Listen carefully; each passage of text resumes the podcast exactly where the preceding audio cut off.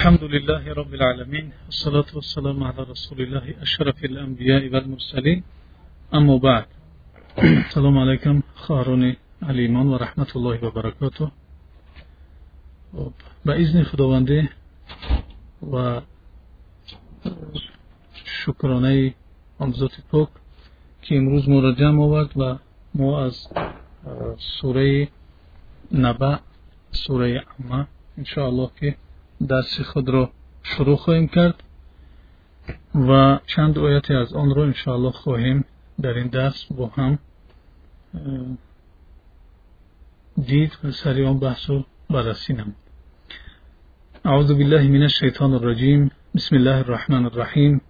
عما يتساءلون عن النبأ العظيم الذي هم فيه مختلفون.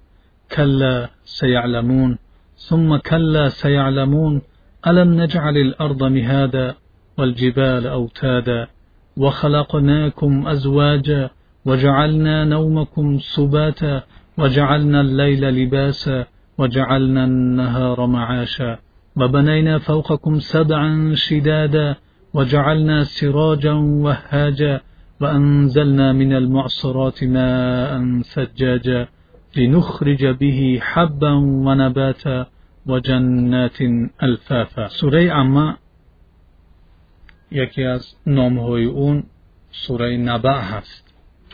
اینکه اونچه که در قرآن آمده است سوره نبع هست و این چنین عمه هم آن رو مینامند. بسیار سوره های در قرآن هست که دارای دو نام یا سه نام هستند. سوره توبه که یکی از نامهاش با توبه ما می‌دونه و مشهور است اینچنین سوره براعت هم نامیده شده است. سوره اسرا بنی اسرائیلش هم میگن. سوره فاطر سوره ملائکه هم او را میگن. سوره غافر سوره المؤمن هم می‌گویند.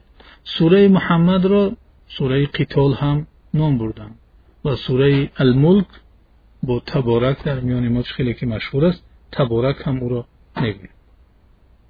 яъне вақте ки мо гоҳо номи сураеро мешнавем феҳристи қуръонро мекушоем номи ӯро намеёбем э, ин маънои онро надорад ки он хато шояд карда бошад ё ин ки э, чӣ иштибоҳе шудааст балки номи дигаре аз сураро шояд ки гирифтааст ки дар он феҳрист бо он ном наомадааст. Сураи наба ин сура сураи маккия сураи маккӣ برای چی سوره مکی می‌گویند و برای چی این نامگذاری شده است و این اصطلاح پیدا شده است؟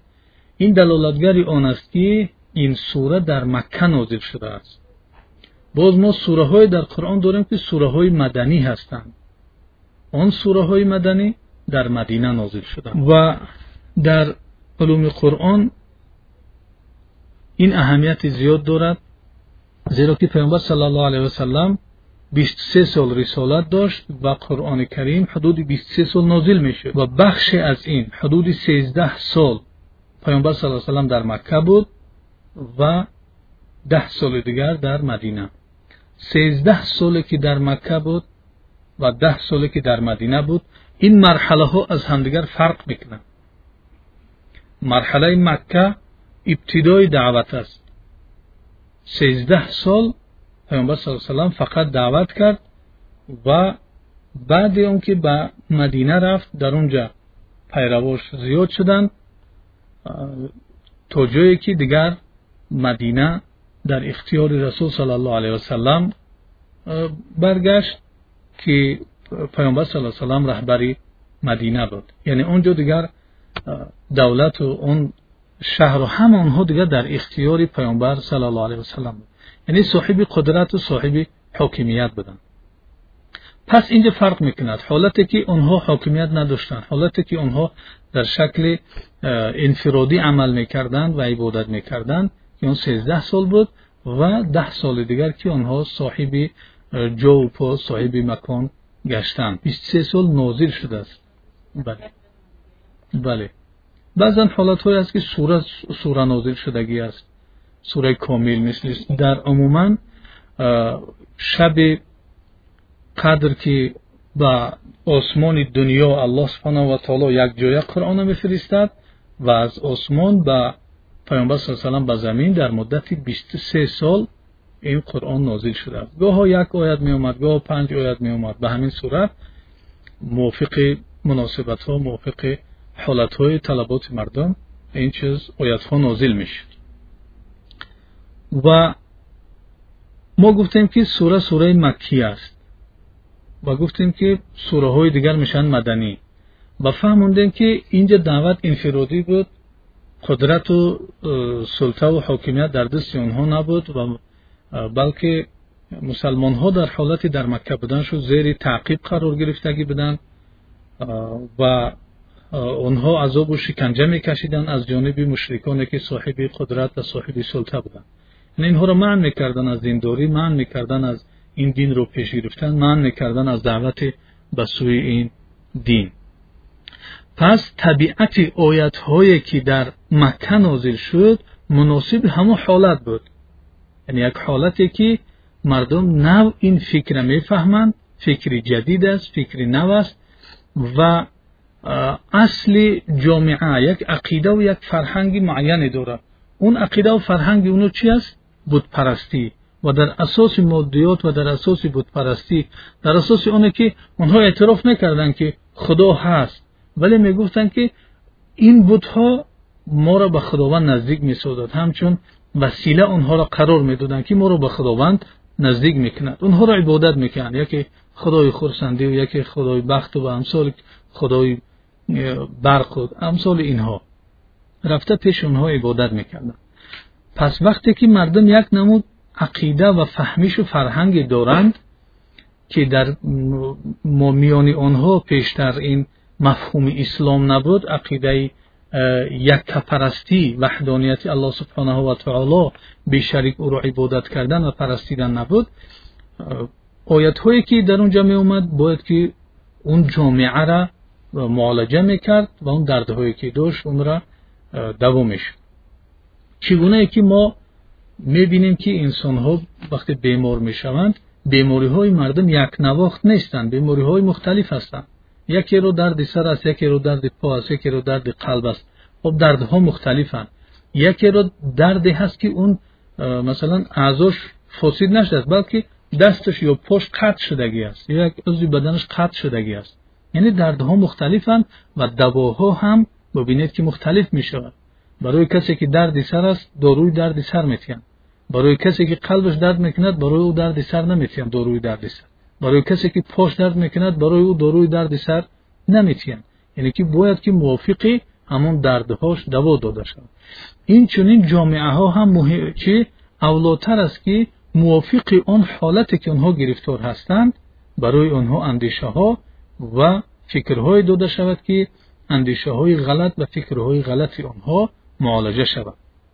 سوره های مکی هم این گونه جامعه را اصلاح می‌کردند و چیزهایی را که اونها را از فکری که پدر و باباهاشو چندین سال بود پرستی داشتند از اون گردانیدن که اون فکر و عقیده که پدرش داشت مادرش داشت بابا و بیویش داشت از اونها باید که او بر بگرد اونها را ترک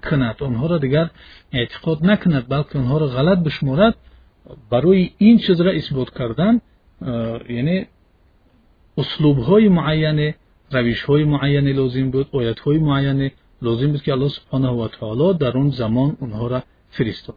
Ояҳое ки дар макка нозил мешаванд хусусиятҳои хоси худро доранд ки бештар мавриди ақида суҳбат мекунад ки инсон аввал ақидааш ва фикраш ягонаш дигар шавад.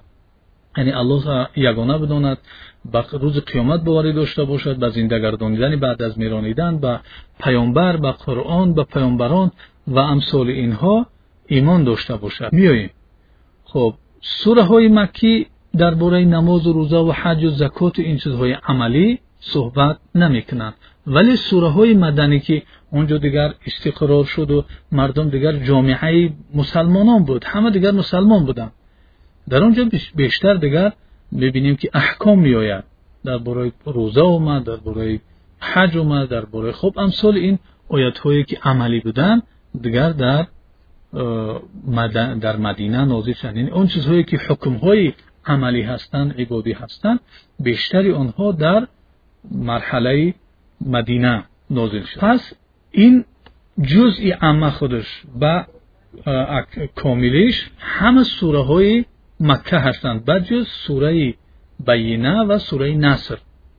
Ҷуз ҳамин ду сура дигар ҳама сураҳо сураҳои маккӣ ҳастанд. Сураи баина э, лам якуни ладина кафару ва сураи наср изо ҷо насруллоҳ инҳо сураҳои маданӣ ҳастанд.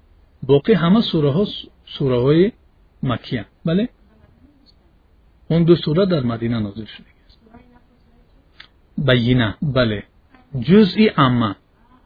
جزئی عامه جزئی عامه میایم ولی داریم می خب سوره شروع می شود با عما یتساءلون عن النبأ العظیم الذي هم فيه مختلفون. عما يتساءلون. عما ایجنده عن ما هست. عن عن نون و ما. ما الف ولی اینها را ادغام کرده اما گفته گستن یعنی از چه چیز می‌پرسند اینهاش هم میآیند شما سراسمت شما سوالهاتون را در فکر تو بگیرید. اگر که جوابشون نآمد در دوام درس بعد شما اون را چی کنید بپرسید. اما یتساءلون از چه چیز می‌پرسند؟ عن النبأ العظیم از خبر بزرگ الذي هم فيه مختلفون آن خبری که آنها میان هم در اختلاف هستند. خب در این سه آیت نگاه می‌کنیم که اما یتساءلون آیا می‌دونی که آنها از چه چیز بعضیشون بعضی همدیگر رو سوال می‌کنن؟ یا تساءلون معنای آن را دارد که دو جانب هستن همدیگر رو سوال می‌کنن همدیگر رو صحبت می‌کنن یعنی می‌پرسن. و انهم یتساءلون عن خبر خطیر و یتحدثون فی امر کبیر یعنی اینها از یک масъалаи пурсон мешаванд ки ин масъала хеле наба ба маънои хабар аст. Хабари бисёр бузург аст. Яъне ин як чизеро онҳо савол карда истоданд ки ин эҳтиёҷ аслан ба савол надорад. Ин чиз маълум аст. Ин чиз бояд дар аз ҷониби соҳиби ақли солим қабул карда шавад. Вале онҳо ин чизро ҳамчун нодида гирифта ва гӯё ки савол карданд. الذي هم فيه مختلفون. اون مسئله هست که اونها میان هم اختلاف کردند و اون خبر و اون مسئله را که اونها پرسان می شدن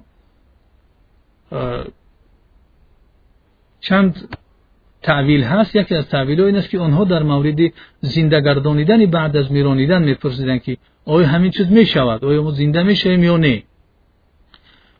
خب و برآمدن از قبرها و در روز قیامت و جمع شدن در روز حشر. یعنی به این چیز آنها باور نداشتند همدیگر را سوال می‌کردند این چیز شدنی است آیا ما وقتی که مردیم زیر خاک رفتیم مثلا انسان دیگر پوسید آیا ما بار دیگر زنده کرده میشیم با همین خیلی آدم میشیم و باز حیات دیگری هست؟ این را سوال می‌کردن و میپرسیدن. یا اینکه از قرآن میپرسیدن که آیا این قرآن از جانب الله هست؟ این حقیقت دارد یا از, از این مسئله میپرسیدن که آیا پیامبر یعنی در حقیقت مبعوث از جانب خدا فرستاده از جانب خداوند است؟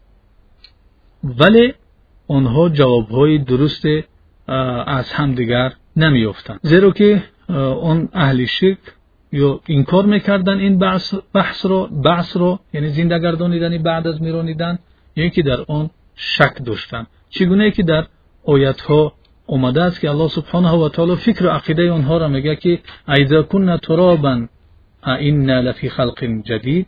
آیا وقتی که ما دیگر خاک گشتیم ما رو زیر خاک بردن به خاک مبدل شدیم آیا ما دوباره زنده میگردونده میشیم آفرینشی جدید و نوی هست؟ یا اینکه در جای دیگر میفرماید الله سبحانه و تعالی که چگونه که آنها دلیل آوردن کافران که من یحیی العظام و هی رمیم؟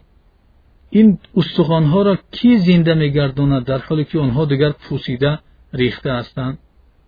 و امثال اینها یعنی آنها باور نداشتند. بر روز قیامت باور نداشتند به قرآن و باور نداشتند به رسالت رسول الله صلی الله علیه وسلم یعنی دین آنها و عقیده آنها شریک آوردن به خدا بود. کار کردن بحث بود. یعنی زنده گردانیدن بعد از میرانیدن و این چنین تعن رساندن در قرآن کریم و تکذیب در شان رسول صلی الله علیه وسلم. اما مسلمان ها باشند آنها ایمان داشتند که در حقیقت این چیزها می شود ما بعد از این مرگی که با وجود میاد زنده میشیم و از قبرها برمیخیزیم به محشرگاه می‌رویم. در حقیقت بحث وجود دارد حساب وجود دارد جنت وجود دارد آتش دوزخ هم وجود دارد. خب. ولی و این چنین اهل اسلام اعتقاد داریم که در جنت ها هستند و اهل کفر در آتش دوزخ خواهند بود و اهل خیر و صلاح در نعمت ها هستند و اهل شر و فساد کسانی که بدکار هستند آنها در آتش دوزخ هستند. آنها ببینید که وقتی که سوال کردند اما یتساءلون خداوند گفته است که آنها از چه چی چیز می‌پرسند؟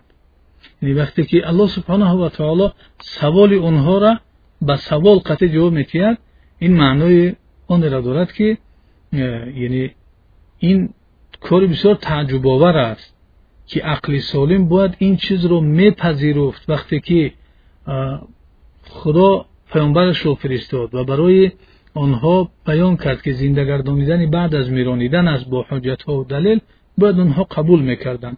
ولی چون آنها قبول نکردن اینجا همچون یک چیز تعجب آوره که این چگونه عقل و چگونه بینیش چگونه فراست دارند که آنها با باز جرأت کرده سوال می‌کنند از یک خبری بزرگ خداوند او را دیگر نگفت که آنها چی می‌پرسند. گفت که چی عن نبیل عظیم.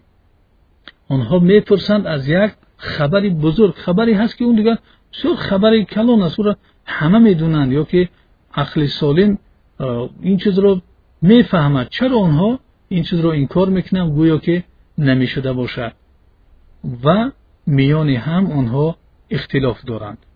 یعنی در قبول کردن. یعنی آنها سوال دادند الله سبحانه و تعالی در حال به جواب آنها نپرداخت بلکه گفت اون خبری بزرگی هست. و حال اونها در این خبری بزرگ این است که بعضش انکار می‌کند و بعضش شک دارد. خداوند بعد از این آیت میفرماد که کلا سیعلمون ثم کلا سیعلمون. کلا این کلمه کلمه است که در حالت زجر کردن یک کس را یعنی رد کردن در همون حالت استفاده می شود نه هرگیز یعنی آنگونه که شما میپندارید شما فکر می‌کنید آنگونه نیست. زود است که آنها می‌دانند حقیقت این زنده گردانیدن بعد از میرانیدن رو حقیقت قرآن رو و حقیقت پیامبر صلی الله علیه وسلم رو خواهند دانست. ثم کلا سیعلمون. سپس هرگیز آنگونه که آنها میپندارند آنگونه نیست بلکه آنها خواهند دانست حقیقت این بحث را. حقیقت جنت و حقیقت دوزخ را. حقیقت آن چیزی که اهل خیر در جنت و اهل شر در جهنم هستند. خواهند دانست که این قرآن از جانب الله سبحانه و تعالی است. خواهند دانست که محمد صلی الله علیه وسلم رسول برحقی از جانب خدا فرستاده شده است. خواهند دانست که یعنی روح ها از جسد ها میبروید. ملائکه ها آنها را می‌گیرند. آنها را ملائکه را وقتی جان برآمدنشو با چشمان خود خواهند دید. سؤال ملکان که در قبر می‌شد آنها را خواهند دید و خواهند دانست که این همه چیز حق است و این چنین آن چیزی که در روز قیامت از حساب و کتاب و از پاداش و جزا خواهد شد. اینجا آمد. خداوند جواب شو حالی هم نداد. پس این تهدید برای اونها کرد که هرگیز آنگونه که آنها فکر اندیشه می‌کنن این گونه نیست. خواهند دانست. یعنی می‌رسد حالتی که آنها خواهند حقیقت را فهمید. و باری دیگر همین جمله را الله سبحانه و تعالی تکرار آورده است که ثم کلا سیعلمون. اولش بود کلا سیعلمون سپس اومد ثم کلا سیعلمون. وقتی جمله دو بار تکرار می شود و اینجا کلمه ثم آمده است معنایش این است که تنبیه دومین سختتر است از تنبیه اول نسبت آنها. یعنی یک گپ وقتی که دو بار تکرار شد معناش این است که یعنی آنها را تنبیه کرد و تنبیهی با سختتری کرد که دویومینش چون سمه آمده است چی است؟ از اولی فرق می‌کند و از اون دیده سختتر است. تأکید در حال اونهاست و بعد از این الله سبحانه و تعالی баъзе ҳуҷҷатҳову далелҳоро меорад. Ҳоло ҳам ҷавоб наметиҳад барои онҳо. Аз он чизе ки онҳо шак доранд аз он чизе ки онҳо рад кардагӣ ҳастанд онро ҷавоб наметиҳад. Балки ҳоло ҳам аллоҳ субҳанаҳу ватаоло чӣ кор мекунад? Далел меорад. Далели қудраташро нӯҳ масъалаву нӯҳ далели қудраташро баъди ин оятҳои баъдӣ аллоҳ субҳанаҳу ватаоло баён мекунад. То ин ки бидонанд ки он зоте ки ин гуна қудрат дорад در پیش او زنده گردانیدن بعد از میرانیدن مسئله نیست. اونقدر کاری مشکلی نیست. علم نجعل الارض مهادا؟ آیا زمین را میهاد نگردانیدیم؟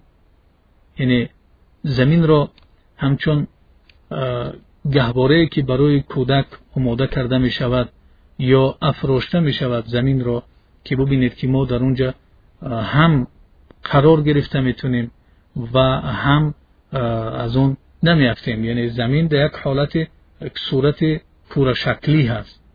ولی در نظر ما اون صورت کور شکلیش نمیتوبد. از چیزی که الله سبحانه و تعالی قوه جاذبه در او خلق کرده است و کسانی که از این قسم پایانی هستند اونها نمیافتند در قوه جاذبه همش در چی است در زمین است و انسان احساس نمی‌کند که من در بالا هستم این که در پایان. و الله سبحانه و تعالی زمین را همچون بیستر و بیستر قرار داده است و این چنین همچون مهد و گهواره کودک برای انسان ها قرار داده است که انسان ها می توانند به خوف و خطر روی زمین بگردند.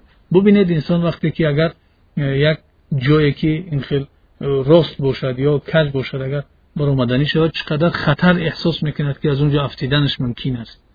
ولی الله سبحانه و تعالی زمین رو برای ما چنین خلق کرد که اگر در کدام گوشه کنار دنیا بریم اون را همه زیر پا می‌بینیم و برای ما یعنی مهیاست که آرامانه در آن ره بگردیم و یعنی زندگی آرامانه داشته باشیم چون انسان نمی‌تواند در حالت مثلا پاهاش در سقف باشند با او زندگی کرده بتونه یعنی خطری افتیدنش هست. اون نه قرار نمی‌گیرد در اوجا برای همین اینم یک معجزه و یک قدرت الله سبحانه و تعالی هست که در همین کوره زمینه که همه دیدگی هستین گلوبوس ولی انسان ها در همه جا خود رو در روی زمین احساس می‌کنند این از قدرت توانایی الله سبحانه و تعالی و از آفرینش او قوه جاذبه و امثال اینها است که انسان می‌تواند که زندگی آرامانه روی زمین داشته باشد.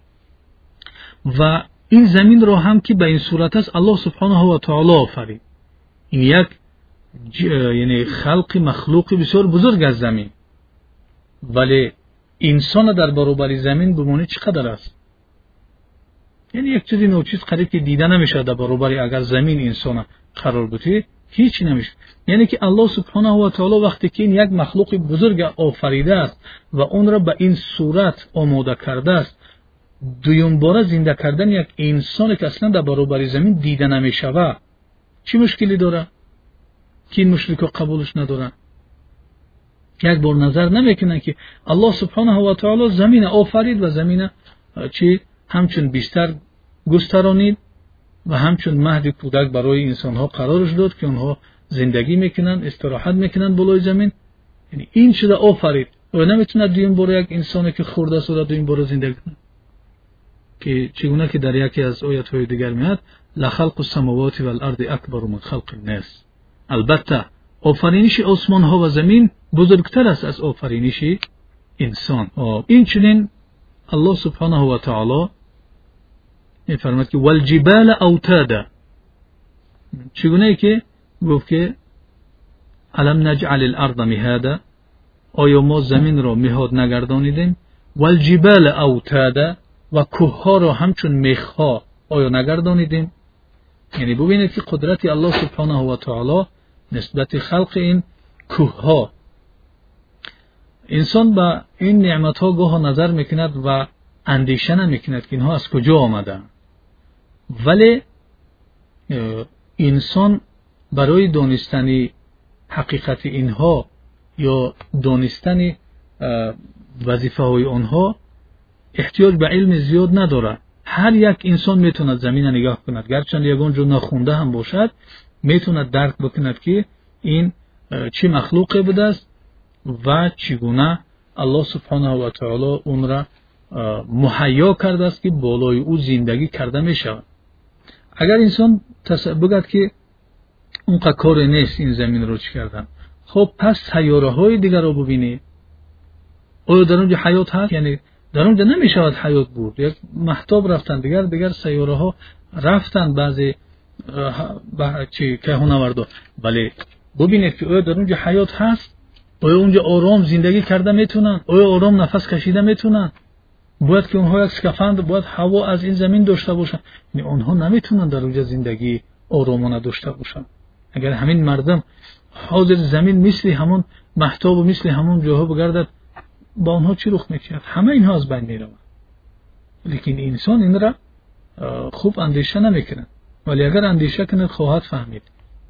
و این چنین کوه را الله سبحانه و تعالی اینها را همچون میخ اوتاد اوتاد میخ خواستن همچون میخ ها گردانیده است در روی زمین تا اینکه زمین نلرزد. زمین یعنی اون توازنی که داره توازنش گم نکند و زلزله ها و ولکان ها و این چیزها رخ ندهند تا اینکه حیات برای مردم ناگوار شود. و این کوههایی که ما می‌بینیم یک جزئی خوردش فقط در روی زمین است. دو سه مراتبه این اندازه ای که در روی زمین هست دو سه مراتبه از این بزرگتر در زیر زمین هست. این کوه ها اینها یکی از وظیفه هاشو بازداشتن که زمین هست که اونها زمین بلرزش نگوید و یک مسئله دیگر که ببینید که الله سبحانه و تعالی شروع کرد از زمین و شروع کرد از کوه ها خب سوال دیگر از انسان ها حاضر میاد بعد این سوال هم یعنی چرا خداوند این چیزها را سوال داده است؟ یعنی این چیزهایی هستند که هر یک انسان آنها را می‌بیند و می‌داند. همه انسان ها زمین را می‌دانند همه انسان ها کوه را می‌دانند.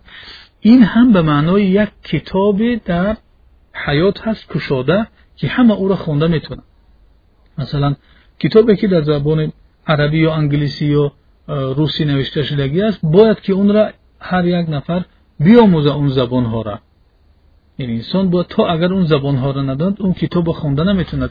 ولی این کتابی را که الله سبحانه و تعالی کشاد یا که یعنی ورق های اون را پیشنهاد کرده ایستاده است اون کتاب کتاب این دنیایی هست که همه انسان ها او را می‌تونن ببینن. زمین را همه می‌شناسند زمین را همه می‌دونند ببینید خداوند اینقدر چیزهای عادی و چیزهایی که برای همه معلوم هستند در اینها دلیل ها را پیشنهاد کرد.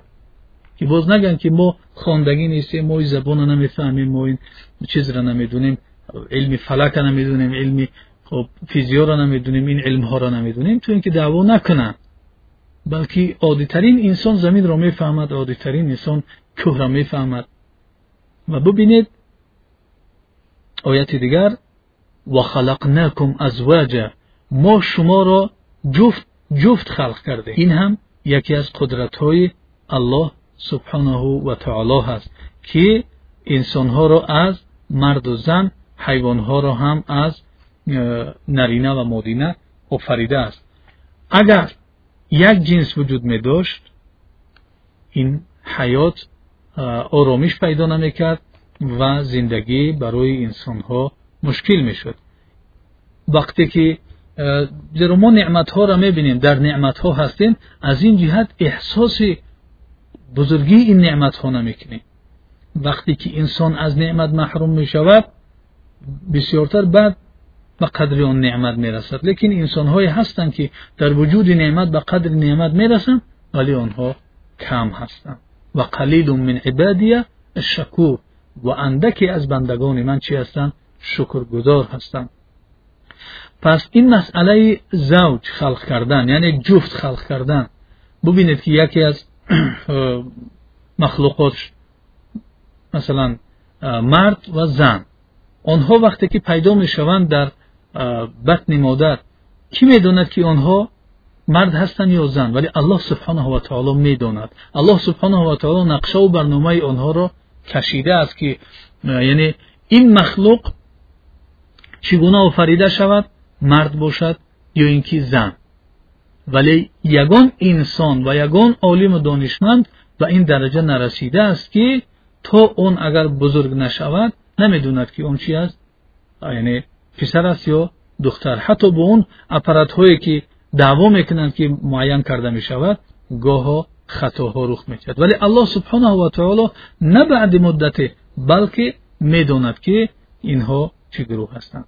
Ва ҳатто дар дарахтон ва амсоли инҳо ҳам ин завҷӣ ҷуфтӣ ҳис карда мешавад. Ва дар яке аз оятҳо аллоh субҳанаҳу ватаоло ها الله سبحانه و تعالی خداوند میفرماید که و من آیاته خلق السماوات والارض و اختلاف السنتکم و الوانکم و از جمله آیات ها و دلیل ها و نشانه های خداوند این است که آفرینش آسمان ها آفرینش زمین و دیگرگون بودن زبان های شما و رنگ های شما یعنی اینها علامت ها و نشانه های قدرت الله سبحانه و تعالی هستند وقتی انسان نگاه میکند وقتی که نظر می‌کند که زمین چگونه آفریده شدگی است. وقتی نظر می‌کند که مردم زبان های مختلف دارند یکی تاجیکی حرف می‌زند اون چیزی که در دلش دارد اون مفهومی را می‌خواد بیان بکند بر یک زبان بیانش می‌کند. یکی به زبان انگلیسی یکی به زبان عربی دیگری به زبان روسی و ازبکی و امثال اینها. و این چنین رنگ های مختلف یکی سفید و یکی سرخ و یکی سیاه و امثال اینها. اینها همش آیت ها و دلیل قدرت الله سبحانه و تعالی هستند. خب. این چنین از جمله قدرت های الله سبحانه و تعالی. چگونه که دیدیم الله سبحانه و تعالی یعنی از انسان ها جفت خلق کرد و از هر دیگر حیوان ها هم جفت ها را خلق کرد یعنی این دلیل قدرتی اوست که بار دیگر می‌توند که انسان ها را زنده بگرداند. و از جمله اون دلیل هایی که الله سبحانه و تعالی جمعید و جعلنا نومکم سباتا. ما خواب شما را ثبات گردانیدیم. یعنی آرامیش برای بدنها سکون و آرامیش برای بدنها گردانیدیم. ثبات به معنای قطع کردن است. چون انسان پیش از خواب رفتنش در حرکت است. خب.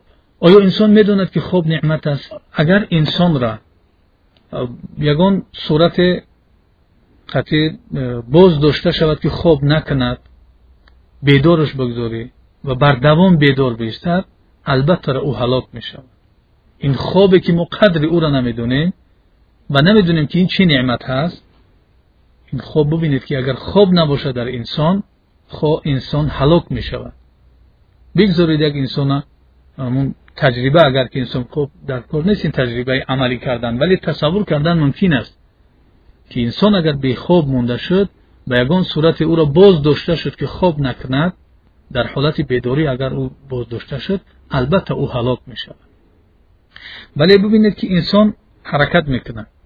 در روز در شب است در روز است حرکت می‌کند و وقتی که خواب می‌رود پیش از خواب کردنش دیگر او خسته شدگی است دیگر نمی‌توند که اگر دهقان باشد یا اگر انجینیر باشد یا اگر طبیب باشد یا اگر استودنت طلبه باشد خب چیزی باشد دیگر اون خسته می‌شد. از خواندن هم خسته می‌شد از نوشتن هم خسته می‌شد از زمین کیشت کردن هم خسته می‌شد از ساختمان و از تیب و از همه خسته می‌شد. ولی ثبات گفت نوم رو الله سبحانه و تعالی قطعی حرکت. تمام دیگر یگان حرکت ندارد. دیگر یک مدت او نه کشت کار می‌کند نه تبابت می‌کند نه درس می‌خواند. در حالتی هست که اون از همه حرکت ها قطع کرده شده است حالت آرامش دارد بعد اون که از اون خواب برمیخیزد عصبهایش به جای خود باز قوه گرفتن برگشتند و این چنین بدن خسته ای که داشت اون خستگی از بین رفته است. تصور بکنید گاه رخ دادگی از هر یک انسان این را در حیاتش دیده است. همین قدر خسته می شود که گمان می‌کند که شاید بعد از این دیگر همین کاری را انجام داده ایستاده است. انجام داده نه. ولی وقتی که خواب می رود از خواب می خیزد می بیند که دوباره او قادر است او قوت دارد که همون کارش رو دوام بده. از این از این رو الله سبحانه و تعالی ببینید خواب رو ذکر کرد که این انسان را از یک حالت بیقوتی باز به حالت قوت برمیگرداند این یک. دوم اینکه اینم یکی از نشانه های آنه هست که انسان دیگر از همه مسائل دنیا از فکر و اندیشه قطع کرده شد. اینم یکی از نموده های مرگ هست. اون چگونه که انسان از دنیا رفته که مرگ او را فرا گرفته است اونم قرار است اونم دیگر یگان حرکت نداره این انسان هم حالت خوب به چی است امثال مرده هست. ولی باز از خوابش میخیزد. الله سبحانه و تعالی عصبهای قوی و بدن قوی و باز روح او را برمیگرداند که چکار می‌کند؟ در زندگی ادامه میتید چگونه ای که انسان میمیرد و زنده می‌شود؟ اینم یکی از اشاره ها و علامت هاست و چگونه ای که ما دعای مسنون داریم؟ یعنی پیامبر صلی الله علیه و ما را تعلیم داده است. هر کسی که به خواب می‌رود در وقت خواب رفتن این دعا هست که بسمك اللهم وضعت جنبي وباسمك أرفعه فإن أمسكتها فارحمها وإن أرسلتها فاحفظها بما تحفظ عبادك الصالحين فإن أمسكتها اگر تو در این خوابی که من رفتم روح من را گرفتی فرحمها پس پروردگار تو اون روح من رو من رو رحم کن. و این ارسلتها اگر تو اون رو بازگرداندی و ارسال کردی رها کردی که اون به بدن من بیاید روح و من زندگی رو ادامه بدیم فاحفظها بما تحفظ عبادك الصالحین. پس اون رو حفاظت و نگاه بدار. همچنان که بندگان صالحت رو نگاه داشتی این گونه مرا هم نگاه بدار. یعنی ببینید که پیامبر صلی الله علیه وسلم این چیز رو ذکر می‌کند که روح بله. این در می شود و در کتاب های ذکر هست. ذکر صبح و شام و حسن المسلم کریپوس مسلمان اینا دیجی مسلمان. همین کتاب ها همش این هست. کتاب های ذکر ها هست. در همین صبح و شام و امثال اینها ذکر خواب رفتن و از خواب برخواستن یعنی پیامبر صلی الله علیه و چی دعا می‌کرد اگر که تو روح مرا در این خوابم قبض کنی پس اون رو رحم کن. اگر اون رو که رها بکنی و باز به من بر بگردد پس اون رو نگاه بدار. همچنانی که بندگان صالحت رو نگاه میداری. و اینجا معلوم میگردد که хоб яке аз оятҳо ва нишонаҳои оне аст ки аллоҳ субҳанаҳу ватаоло қудрату тавоноие дорад ки инсонеро ки мурдааст бори дигар ӯро зинда кунад. Фаромӯш накунем? Аввали сура дар бораи оне буд ки мушрикон савол карданд. Байни ҳам дар бораи қиёмат ва дар бораи зиндагардонидани баъд аз миронидан ва миёни ҳам ихтилоф доштанд بعضی آن را انکار می‌کردند بعضی ها در آن شک داشتند و خود خداوند نشانه های قدرت خود را بیان کرد. بیان کرده ایستاده است که ما اومدیم در مورد قدرت اون در این مخلوقش که اون خواب است چگونه آن خواب را برای راحت و آرامش بندگانش گردانیده است. و دیگر آیت های الله سبحانه و تعالی و نشانه ها و قدرتش این است که وجعلنا اللیل لباسا. ما شب را لباس گردانیدیم. یعنی لباسی که چگونه که لباس انسان را سطر می‌کند انسان را پنهان می‌کند شب هم چیکار می‌کند؟ برای انسان انسان را میپوشاند برای انسان آرامش میارد. خب بعضی انسان ها اگر بخواهند که از مردم مثلا دور باشند پس در شب می‌توند که از مردم دور باشد. در روز به همه عیان است ولی در شب دیگر همچنین گویا که تنها باشد. اگر بخواهد که یگان مردم او را نبیند از چشم مردم هم دور باشد شب او را چکار می‌کند؟ میپوشاند. یا اینکه از دشمنش می‌خواهد که بگریزد در شب او را نمی‌بیند. یعنی الله سبحانه و تعالی شب را که اون تاریکی است و همه را فرا می‌گیرد همچون لباس قرار دادد چگونه که لباس عیبهای انسان را میپوشاند عیبهای انسانها را میپوشاند و انسانها را نگاه میدارد از خنکی از گرما و هم سرما. اینچنین شب هم انسان را این گونه از چیزهایی که با او شاید گزند بیارند چکار می‌کند؟ حمایت می‌کند و نگاه میدارد. و جعلنا النهار معاشا و روز را برای زندگی قرار داده аллоҳ субҳанаҳу ватаоло яке аз қудратҳош ин аст ки рӯзро барои зиндагӣ қарор додааст ки он равшан аст ва он яъне дар ин рӯшноӣ метавонад ки асбоби зиндагиро ба даст биёрад. Вале дар шаб бубинед чӣ қадар машаққат аст роҳ рафтан машаққат аст кор кардан яъне инсон наметавонад ки дар шаб корҳоро анҷом бидиҳад ва ин шаб аслан барои истироҳат аст و روز برای کار.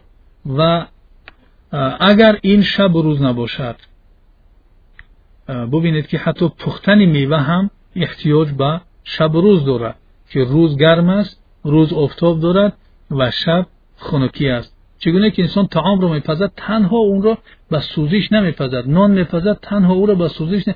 گاه میاد که چکار می‌کند؟ اون آتش را خاموش می‌کند تا اینکه یک خودش رو همون چیز таом аст ё нон аст худашро бигирад. Агар ки ин хунукӣ ва бурудат набошад наметавонад ки ба камоли таъми худ ё ба камоли ҳамун таому нон бирасад. Ва инчунин инсонҳо ҳам наметавонанд танҳо барои онҳо шаб бошад ё танҳо барои онҳо рӯз бошад. Агар ҳамеша барои онҳо рӯз бошад асабҳои онҳо хароб мешаванд. Асабҳо чизи асосӣ дар ҳаёти инсон аст ки наметавонад در یک حالت دویم روشنی دویم بیداری در یک حالت دویم یعنی عصب هاش کار میکردگی وقت خود رو بگذرانند.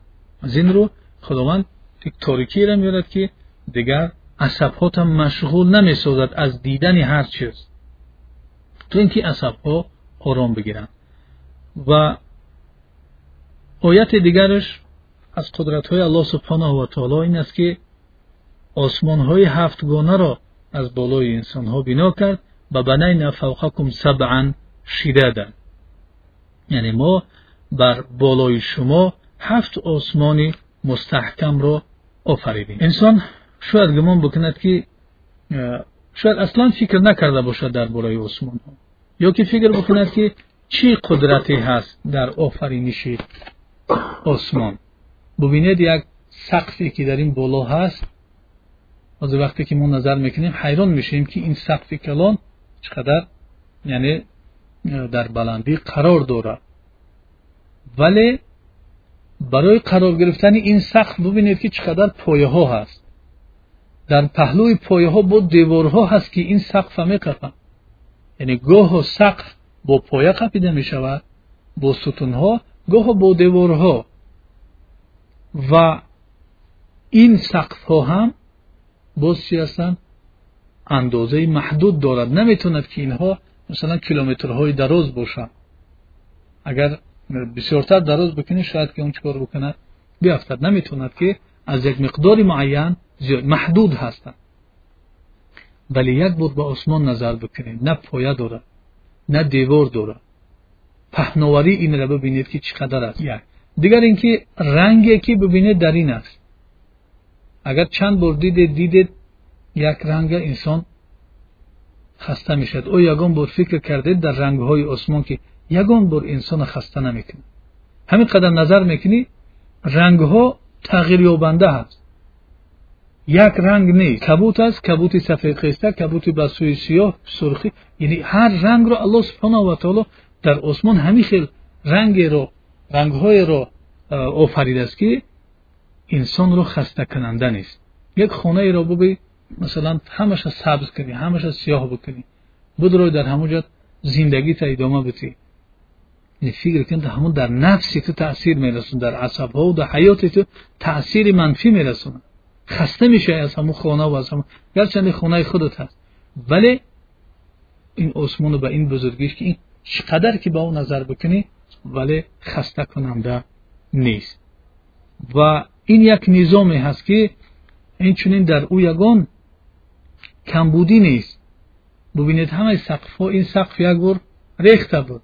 باز اینو کردن ممکن است باز چند وقت بعد باز فرسوده می شود. باز ممکن است که بریختن و یعنی شکستن بزنن. همه سقف ها همین خیلی هستن. ولی این سقف ببینید که ندارد یگان جایی که پوسیده شود ندارد یگان جایی که سراخ داشته باشد و بلندی و پستی که خیلی استخوان نمی‌تونه که صد درصد به یک صورت صفتی بلند اون سقف رو بسازند ولی در این آسمان یگان عیب دیده نمی‌شد یگان جو پستی و بلندی یگان جو کمبودی در آسمان دیده نمی‌شد ببینید الله سبحانه و تعالی اینقدر قدرتی офариниши махлуқоти бузургро дорад ва ба сурату сифати ниҳоят баланд. Ба ин дорои низом аст ки чӣ гуна ки гуфтем ин осмон ягон ҷош шикоф ягон ҷош вале рӯзе мешавад ки ин осмон бо ин низоми доштагиш чор мекунад аз байн ин замину ин осмон аз байн меравад ва از بین می رود و می آید در چه که اینها دروازه ها شده کشوده می شود این در از آسمان درها کشوده می شود و ملائک از آن می که اون در درس اوهنده شاید باشد.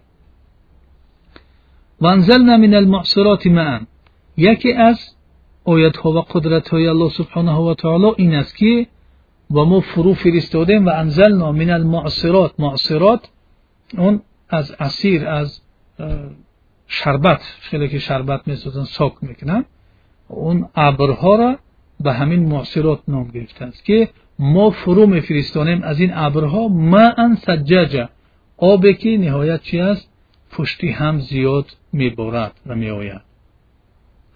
Барои чӣ мо ин обро мефиристем? Линухриҷа биҳи ҳаббан ва набата то берун биёрем ба воситаи он об ҳаб дона ҳаст ва набот ҳамин набототе که می‌بینیم یعنی حب مثل برنج و گندم و جو و اینها که انسان اینها را استعمال می‌کند و نبات مثل یعنی سبززار و رشقه و علف و این چیزهایی که دیگر حیوانات ها آنها را استفاده می‌برند ببینید الله سبحانه و تعالی سبب هستی انسان ها و حیوانات را یا چیزهای زنده را در این یک آیت چگونه یعنی بیان کامل و شامل کرد که ما آب را از آن ابرها میفرستانیم تا اینکه ببراریم با واسطه آنها از زمین. با سبب حیات انسان ها را که این دانه ها هستند حبا و نبات نباتات را که برای حیات حیوانات ها می باشند و جنات الفافا و جنت این باغ ها هستند باغ ها و بوستان ها هستند. جنت از جنت گرفته شدگی است یعنی پوشانیدن و سطر کردن است یا پنهان کردن است. اون وقتی که باغ شد دیگه زمین می پوشاند زمین دیگه دیده نمی شود از این رو اون را چی میگن؟ جنت میگن. جین هم از لحاظ اونه که دیده نمی شود پنهان است جین گفته می شود و جنت الفافا و جنت ها جنت ها یعنی باغ ها و بوستان هایی که که انبوه هستند از به هم پیچیده و زیاد هستند این بود اون مظاهر قدرت الله سبحانه و تعالی. ما بار دیگر در خاطر بگیریم که سوره عمه سوال شد. از سوال سوالی که الله سبحانه و تعالی می‌پرسد که آنها از چی پرسان دارند؟ یعنی مشرکان از چی می‌پرسند؟ بین هم چی سوال و جواب دارند؟ چی را پرسان هستند یعنی از اون خبری بزرگی که احتیاج به پرسیدن ندارد انسان صاحب عقل باید اون را قبول بکند و آنها در اون مسئله اختلاف دارند هرگیز چنین نیست که آنها میپندارند بلکه زود است که آنها می‌دانند و سپس هرگیز چنین نیست که آنها میپندارند. زود است که آنها خواهند دانست. یعنی سوال از روز قیام از روز زنده گردانیدن بعد از میرانیدن کرد.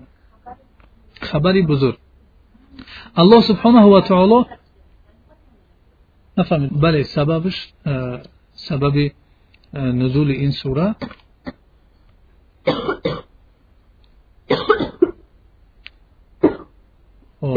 вақте ки онҳо савол карданд аз ин ки оё ҳамин чиз мешуда бошад ё намешуда бошад? баъзе онҳо инкор карданд ки не намешавад баъзе онҳо шак карданд дар инҷа аллоҳ субҳанаҳу ватаоло ба ҳамин муносибат ин сураро нозил кард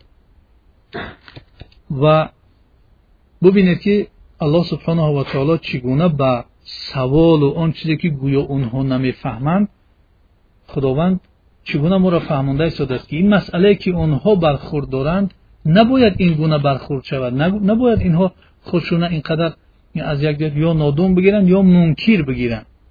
Бояд ки онҳо ақлеро ки худо додааст онро истифода бикунанд ва ҳақиқатро қабул бикунанд ولی انسان از کبر و غرورش گاه حقیقت را قبول نمی‌کنه. از اینو الله سبحانه و تعالی اونها را تهدید کرد که اونها خواهند دانست این حقیقت را. به چشماشو خواهند دید و برای اونها علم این مسئله ها خواهد رسید. و از این روز که پیش از جواب دادن حال جواب نامده از در اون برا. قدرت الله سبحانه و تعالی نه قدرت خود را ذکر کرد در اینجا.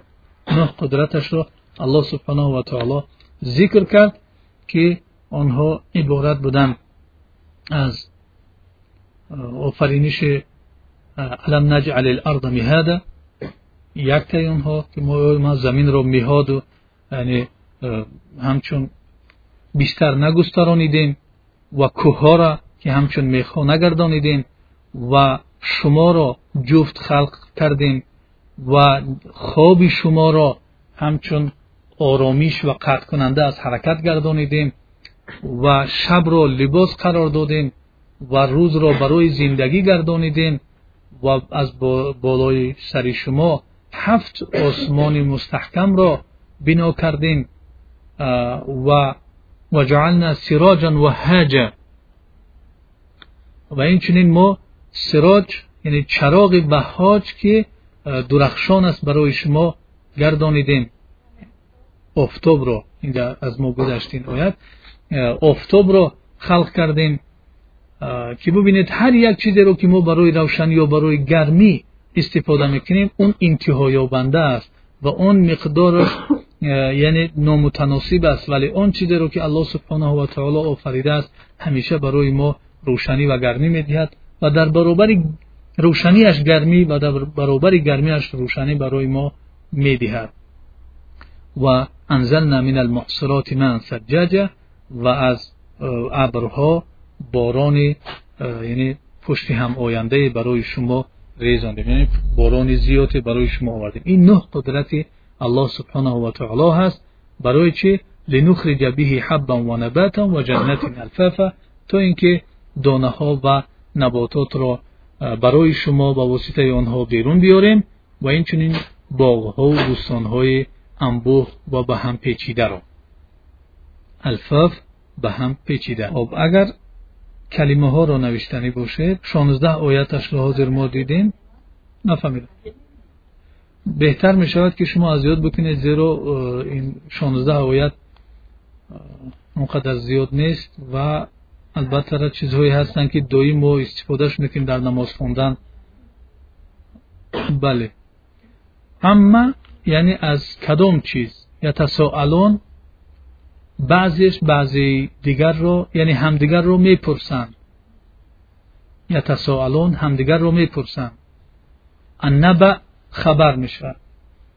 میهاد میهادن گسترده. خب بدوم وجعلنا الليل لباسا وسراجا وهاجا. وجعلنا سراجا وهاجا وانزلنا این در قرآن است بله. خب ترجمه که باشد از همون ترجمه استفاده کنید. من کوشش می‌کنم بعضی کلمه ها را فقط ترجمه هاشون آماده برای شما نوشته گرفتیم زیرا وقتی ما را زیاد نگیرد این چیزها بلکه وقتی ما را فهمیدن اون چیزها بگیرد یعنی سوال اومد که مشرکان یک چیز را بین هم بعضی شک داشت بعضیش اینکار می‌کرد. الله سبحانه و تعالی این صورت مناسبت اونها را رد کننده و تنبیه کننده و انکار کننده این سوال را داد. اما یتساءلون و تنبیهشون کرد حتی گفت که اونها خواهم دانست و پیش از اینکه جواب داد جواب در درس دیگر مییم انشاءالله. قدرتش را بیان کرد که این قدرت های الله سبحانه و تعالی را کسی که بداند хоҳад донист ки аллоҳ субҳанаҳу ватаоло барои зиндагардонидани инсонҳо баъд аз мирондан шука кори мушкиле нест ино гумон мекунанд ки вақте ки инсон пурсид чӣ гуна ин зарраҳои ҷуз инсона боз ҷамъ мекунад дуюмбора ӯро зинда мекунад вале вақте ки дидем ки худованд чӣ гуна заминаву осмонаву ин кӯҳҳораву хоб شب و روز و خواب و این چیزها را خداوند الله آفرید آفتاب و این باران و اینها را از اینجا خواهیم دانست که الله سبحانه و تعالی برای زنده گردانیدن انسان اون کار نیست. حتی در اون آیت گفت که آفریدن آسمان ها و زمین بزرگتر است از آفریدن انسان. یعنی ما بسیارتر در این جزئی اما گپ درباره عقیده هست درباره وحدانیت الله سبحانه و تعالی درباره روز قیامت هست. یعنی درباره جنت دوزخ و درباره برپا شدن روز قیامت که سوره های بسیار یعنی سوره هایی هستند که روز قیامت بیان می‌کنند و وصف و حالت بسیار دهشتناک و مزنین است. یعنی از این سوره ها ما عقیده خود را درست می‌کنیم نسبت آخرت. نسبت وحدانیت الله سبحانه و تعالی نسبت یگانگی او. و اینچنین حقانیت قرآن و رسالت پیامبر صلی الله علیه وسلم چگونه که مشرکان ها را قبول نداشتند قرآن شعر می‌گفتند پیامبر صلی الله علیه و شاعر یا مجنون می‌گفتند که در گذشتن ما این چیزها را معلوم می شود که اون شاعر نیست و این قرآن شعر نیست. بلکه کلام الله سبحانه و تعالی و محمد صلی الله علیه و سلم فرستاده الله سبحانه و تعالی است. یگان سوال باشد مرحمت که وقتم کمتر مونده؟ یتساءلون همدیگر را سوال می‌کنند